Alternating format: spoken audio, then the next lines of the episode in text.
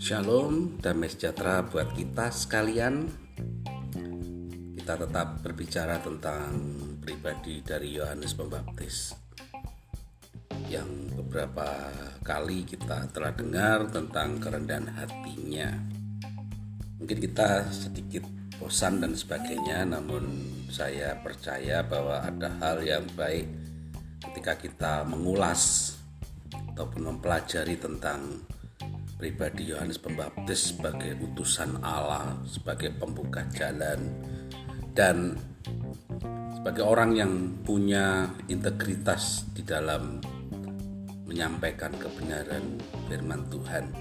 Oleh sebab itu kita tetap belajar mengupas pribadi ini dan hari ini kita akan lihat di dalam bacaan firman Tuhan yang hanya beberapa bagian mengatakan demikian dari Matius pasal yang ketiga ayat 1 sampai yang ketiga. Pada waktu itu tampillah Yohanes Pembaptis di padang gurun Yudea dan memberitakan bertobatlah sebab kerajaan surga sudah dekat. Sesungguhnya dialah yang dimaksud Nabi Yesaya ketika ia berkata ada suara orang yang berseru-seru di padang persiapkan jalan untuk Tuhan luruskanlah jalan baginya jadi Hal yang kita soroti tentang pribadi Yohanes Pembaptis adalah ketika dikatakan dialah suara yang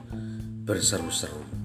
Kalau pada beberapa episode yang lalu saya sampaikan dia seperti corong atau orang yang hanya menyuarakan saja. Namun di dalam semuanya itu ada hal prinsip yang perlu kita juga harus cermati bahwa dia adalah orang yang sangat memahami maksud dan kehendak Tuhan atas penunjukan dirinya untuk menjadi corong tadi, yaitu bahwa kerendahan hatinya dia tidak mempunyai agenda pribadi di dalam pelayanannya itu. Apa yang saya maksudkan dengan agenda itu? dia tidak memiliki muatan-muatan atau tendensi untuk membuat sesuatu berita berdasarkan pribadinya, tetapi dia melakukan berdasarkan apa yang Tuhan perintahkan itu sesuatu yang sangat penting dan prinsip. Karena ketika kita dipilih Tuhan, ketika kita dipakai Tuhan, melayani pekerjaan Tuhan, selalu ada yang menonjol di dalam diri kita. Ada yang penonjolan itulah yang membuat kita tanpa sadar dibuat menjadi sombong. Kita nggak sadar bahwa kita sedang masuk di arena kesombongan itu yang dibalut dengan kerohanian Padahal kita sedang terjebak di dalamnya. Karena ada agenda, ada sesuatu muatan-muatan lokal dalam hati kita untuk membuat satu pernyataan bahwa aku ingin dikenal. Enggak. Yohanes itu enggak mau melakukan itu. Jadi sesuatu yang sangat luar biasa, dia tidak mempunyai agenda khusus tentang dirinya. Dia mengerjakan pekerjaan Tuhan secara total Nah ini yang harus kita miliki bersama ketika kita melayani, ketika kita bekerja, ketika kita melakukan segalanya, totalitas kepada Tuhan itu penting. Kenapa? Karena pekerjaan kita, pelayanan itu itu adalah mandat yang Tuhan percayakan kepada kita untuk kita garap maksimal dan ya saya percaya bahwa hasil dari kualitas kita, hasil dari totalitas kita itu juga akan kembali kepada kita. Yohanes melihat prinsip ini yang kita sedang pelajari bahwa dia tidak mempunyai sesuatu hal yang tersembunyi dalam hatinya. Dia orangnya tulus apa adanya. Oh, itu luar biasa. Orang yang tulus apa adanya. Dia mengatakan kebenaran di atas kebenaran. Dia mengatakan bahwa kalau itu salah ya salah dia tidak ada tedeng aling-aling dia tidak ada sesuatu eh, hal yang sangat apa namanya memikirkan sesuatu kekhawatiran dalam diri dia. Dia dia tidak pernah memikirkan kekhawatiran ketika dia menyampaikan sesuatu karena ada sesuatu yang penting yang dia miliki yaitu ketulusan hati. Ketulusan hati kemurnian itulah yang membuat dia berani. Nah, coba anda pikirkan begini ketika kita pelayanan mempunyai niat yang tidak tulus misalkan nih dalam hal pemberian ketika kita menerima pemberian dan pemberian itu terus menerus dan berlangsung sehingga kita membuat uh, membuat diri kita menjadi orang yang sungkan ketika kita hendak menegur, ketika kita hendak menyampaikan satu kebenaran rasanya ada yang mentok. Kenapa? Karena kita nggak berani nih, umpama di depan kita ada orang yang begitu baik kepada kita. Karena kita hendak murni, kita nggak berani ngomong apa adanya. Makanya itu banyak sekali dalam pemberitaan firman ataupun dalam pelayanan kita tidak maksimal karena apa? Karena kita sudah nggak murni lagi. Sehingga kebenaran firman Tuhan itu kita kebiri, kita potong supaya kita aman, kita mencari amannya. Yohanes nggak peduli, makanya katakan aku suara yang berseru-seru dia mengatakan bertobatlah, kerajaan Allah sudah dekat. Karena dia sadar betul, saya nggak ada urusan dengan hal-hal itu saya nggak ada urusan dengan sesuatu yang berhubungan dengan kalian. Saya berurusan dengan Tuhan yang memberikan kepercayaan kepadaku. Seringkali tanpa kita sadari, ketika kita terlalu baik dengan orang ataupun kita terlalu dibaiki dengan orang yang kita layani, kita gampang menerima pemberian, kita gampang menerima sesuatu ataupun traktiran dan sebagainya membuat kita jadi sungkan. Meskipun kita melihat orang itu salah kita nggak berani menegur. Karena apa? Nggak ada sesuatu yang tulus nggak ada sesuatu yang murni. Orang yang tulus orang yang murni meskipun dia dapat pemberian dia tetap berani memberitakan. Karena apa? Tidak ada agenda. Kita tidak terprovokasi untuk apa namanya mempengaruhi orang lain. Kita tidak memanipulasi orang lain. Kita tidak membuat satu pemikiran untuk uh, supaya orang itu berpusat kepada diri kita. Enggak, ketika kita melakukan itu sudah tidak murni lagi sehingga tidak heran kalau kita mulai menjadi orang yang uh, tidak berani menyampaikan suara kebenaran itu, tidak berani menyampaikan keyakinan yang mantap. Makanya pembelajaran dari Yohanes ini penting sekali buat kita. Kenapa? karena kita sedang diperhadapkan dengan orang yang tidak punya agenda pribadi. Dia orang yang tulus apa adanya, dia tidak peduli dengan apa yang terjadi meskipun sekelilingnya membenci. Orang yang mengerti maksud Tuhan, dia tidak pernah takut tersingkirkan. Dia akan berjalan menurut kehendak Tuhan meskipun beresiko. Sebab itu, pada hari ini ketika kita bersama-sama mendengarkan suara gembala yang saya selalu sampaikan sebagai dasar kita belajar firman Tuhan tidak menggurui tetapi kita sedang belajar bersama-sama untuk mengerti maksud Tuhan dalam semua aspek hidup kita. Yang hari ini kita belajar dari pribadi Yohanes Pembaptis. Kiranya Tuhan memberkati dan hari ini membuat kita semakin tulus di hadapan Tuhan, semakin maksimal dan kita memberi yang terbaik untuk Tuhan dalam segala hal. Tuhan Yesus memberkati kita, tetap semangat. Amin.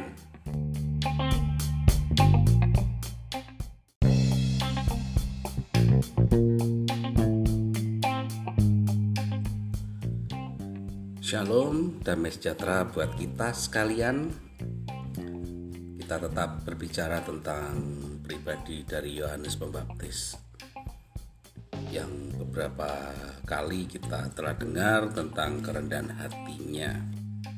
mungkin kita sedikit bosan dan sebagainya namun saya percaya bahwa ada hal yang baik ketika kita mengulas ataupun mempelajari tentang pribadi Yohanes Pembaptis sebagai utusan Allah, sebagai pembuka jalan dan sebagai orang yang punya integritas di dalam menyampaikan kebenaran firman Tuhan. Oleh sebab itu kita tetap belajar mengupas pribadi ini dan hari ini kita akan lihat di dalam bacaan firman Tuhan yang hanya beberapa bagian mengatakan demikian dari Matius pasal yang ketiga ayat 1 sampai yang ketiga. Pada waktu itu tampillah Yohanes Pembaptis di padang gurun Yudea dan memberitakan bertobatlah sebab kerajaan surga sudah dekat. Sesungguhnya dialah yang dimaksud Nabi Yesaya ketika ia berkata ada suara orang yang berseru-seru di padang persiapkan jalan untuk Tuhan, luruskanlah jalan baginya. Jadi hal yang kita soroti tentang pribadi Yohanes Pembaptis adalah ketika dikatakan dialah suara yang berseru-seru kalau pada beberapa episode yang lalu saya sampaikan dia seperti corong atau orang yang hanya menyuarakan saja. Namun di dalam semuanya itu ada hal prinsip yang perlu kita juga harus cermati bahwa dia adalah orang yang sangat memahami maksud dan kehendak Tuhan atas penunjukan dirinya untuk menjadi corong tadi yaitu bahwa kerendahan hatinya dia tidak mempunyai agenda pribadi di dalam pelayanannya itu. Apa yang saya maksudkan dengan agenda itu? Dia tidak memiliki muatan-muatan atau tendensi untuk membuat sesuatu berita berdasarkan pribadinya, tetapi dia melakukan berdasarkan apa yang Tuhan perintahkan. Itu sesuatu yang sangat penting dan prinsip. Karena ketika kita dipilih Tuhan, ketika kita dipakai Tuhan, melayani pekerjaan Tuhan, selalu ada yang menonjol di dalam diri kita, yang penonjolan itulah yang membuat kita tanpa sadar dibuat menjadi sombong.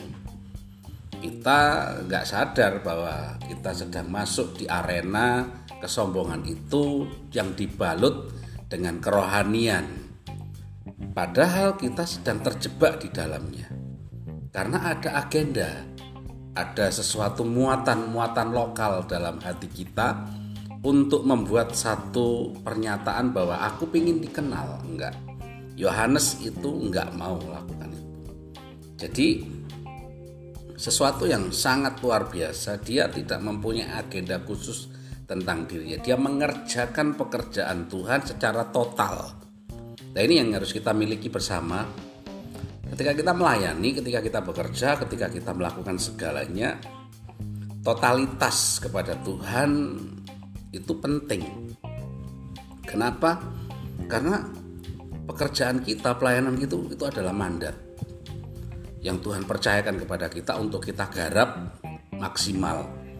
Dan ya saya percaya bahwa hasil dari kualitas kita, hasil dari totalitas kita itu juga akan kembali kepada kita.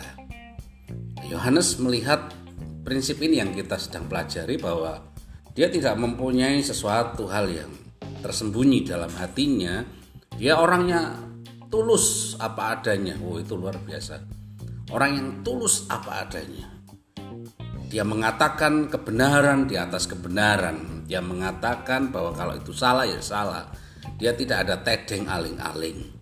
Dia tidak ada sesuatu eh, hal yang sangat apa namanya memikirkan sesuatu kekhawatiran dalam diri dia dia, dia tidak pernah memikirkan kekhawatiran ketika dia menyampaikan sesuatu karena ada sesuatu yang penting yang dia miliki yaitu ketulusan hati. Ketulusan hati, kemurnian itulah yang membuat dia berani.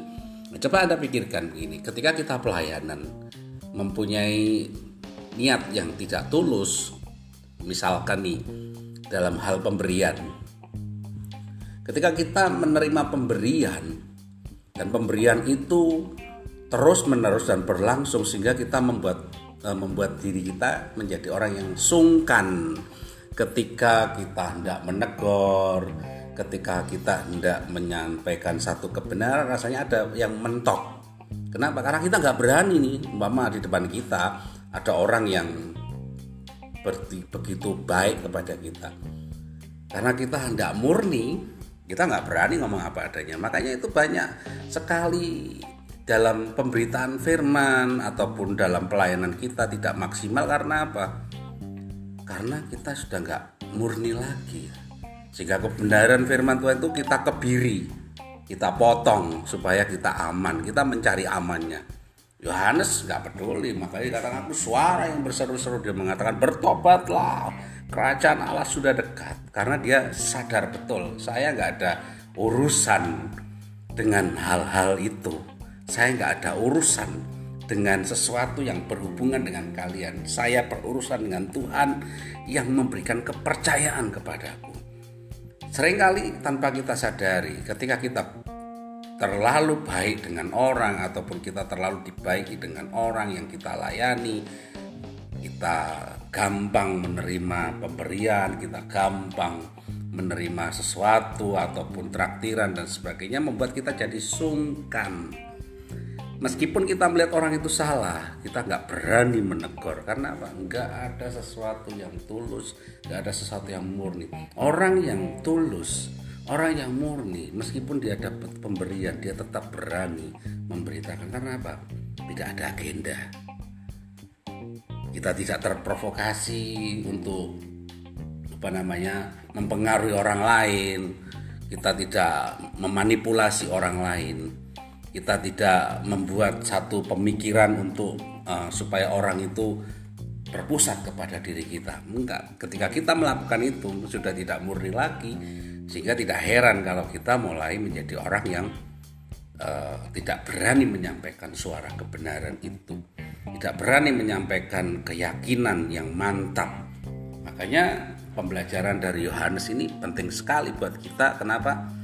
karena kita sedang diperhadapkan dengan orang yang tidak punya agenda pribadi. Dia orang yang tulus apa adanya, dia tidak peduli dengan apa yang terjadi meskipun sekelilingnya membenci. Orang yang mengerti maksud Tuhan, dia tidak pernah takut tersingkirkan. Dia akan berjalan menurut kehendak Tuhan meskipun beresiko.